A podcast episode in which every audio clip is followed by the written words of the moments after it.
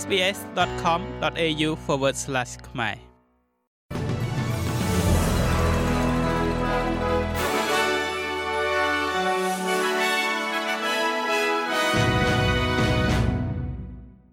សូមស្វាគមន៍មកកាន់នេតិព័ត៌មានខ្លីៗរបស់ SBS ខ្មែរសម្រាប់ថ្ងៃច័ន្ទទី19ខែកុម្ភៈឆ្នាំ2024 សមាជិកប្រសិទ្ធិឯករាជ្យលោកស្រី Jackie Lambie កំពុងតែជំរុញឲ្យអ្នកនយោបាយកុំនិយាយបំភ្លើសអំពីបញ្ហាសន្តិសុខព្រំដែនបន្ទាប់ពីទូកស្វែងសុំសិទ្ធិជ្រកកោនមួយបានចូលមកប៉ុន្តែប្រមានថាអាចនឹងមានបញ្ហាសម្រាប់រដ្ឋាភិបាលប្រសិនបើមានទូកបន្ថែមទៀតដែលនឹងត្រូវចូលមក។បរិះប្រមាណជា40នាក់បានមកដល់តាមទុកនៅតំបន់ដាច់ស្រយាលនៃរដ្ឋអូស្ត្រាលីខាងលិចកាលពីសប្តាហ៍មុន មានសេចក្តីរាយការណ៍មកថាបរិះទាំងនោះត្រូវបានគេបញ្ជូនទៅមជ្ឈមណ្ឌលឃុំឃាំងអន្តោប្រវេសន៍នៅឯនីសមុទ្ររបស់ប្រទេសអូស្ត្រាលីគឺនៅលើកោះណៅរូ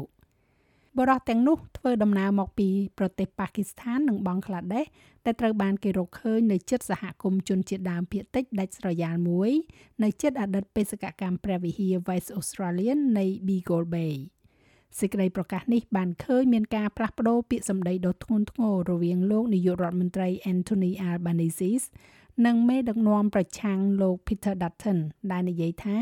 ប្រតិបត្តិការព្រំដែនរបស់អូស្ត្រាលីបានចុះខ្សោយក្រោមរដ្ឋាភិបាលលោក Albanese សមាជិកប្រសិទ្ធិឯករាជ្យលោកស្រី Jackie Lambie មានប្រសាសន៍ថា លោកស្រីចង់ឃើញលោកនាយករដ្ឋមន្ត្រីចេញមកជាមួយនឹងសារដ៏រឹងមាំជាងនេះទៅកាន់ជនស្វែងរកសិទ្ធិជ្រកកោនជាសក្តានុពល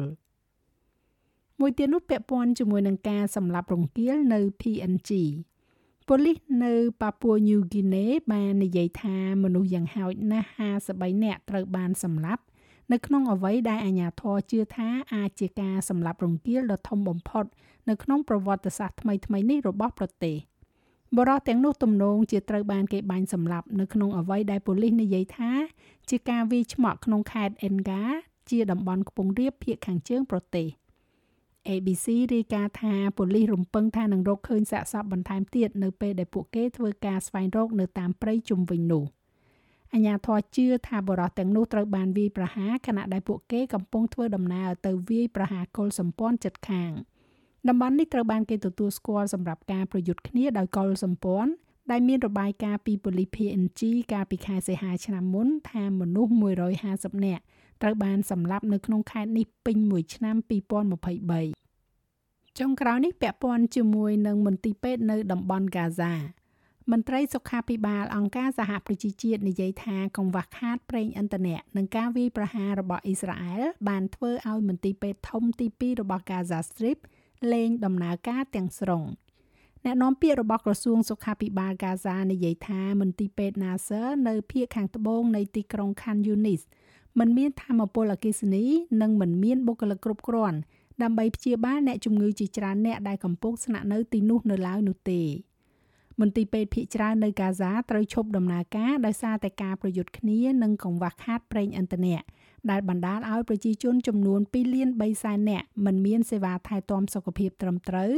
ខណៈដែលអាជ្ញាធរសុខាភិបាលប៉ាឡេស្ទីនបាននិយាយថាមនុស្សជិត29000នាក់ត្រូវបានសម្លាប់ចាប់តាំងពីថ្ងៃទី7ខែតុលាមក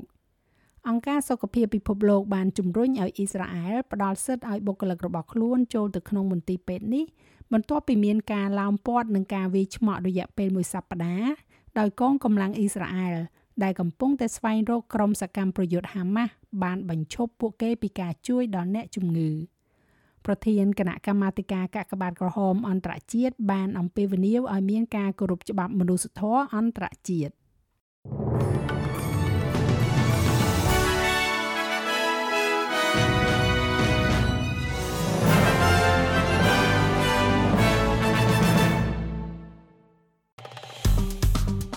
ចុច like share comment និង follow SPS ខ្មែរនៅលើ Facebook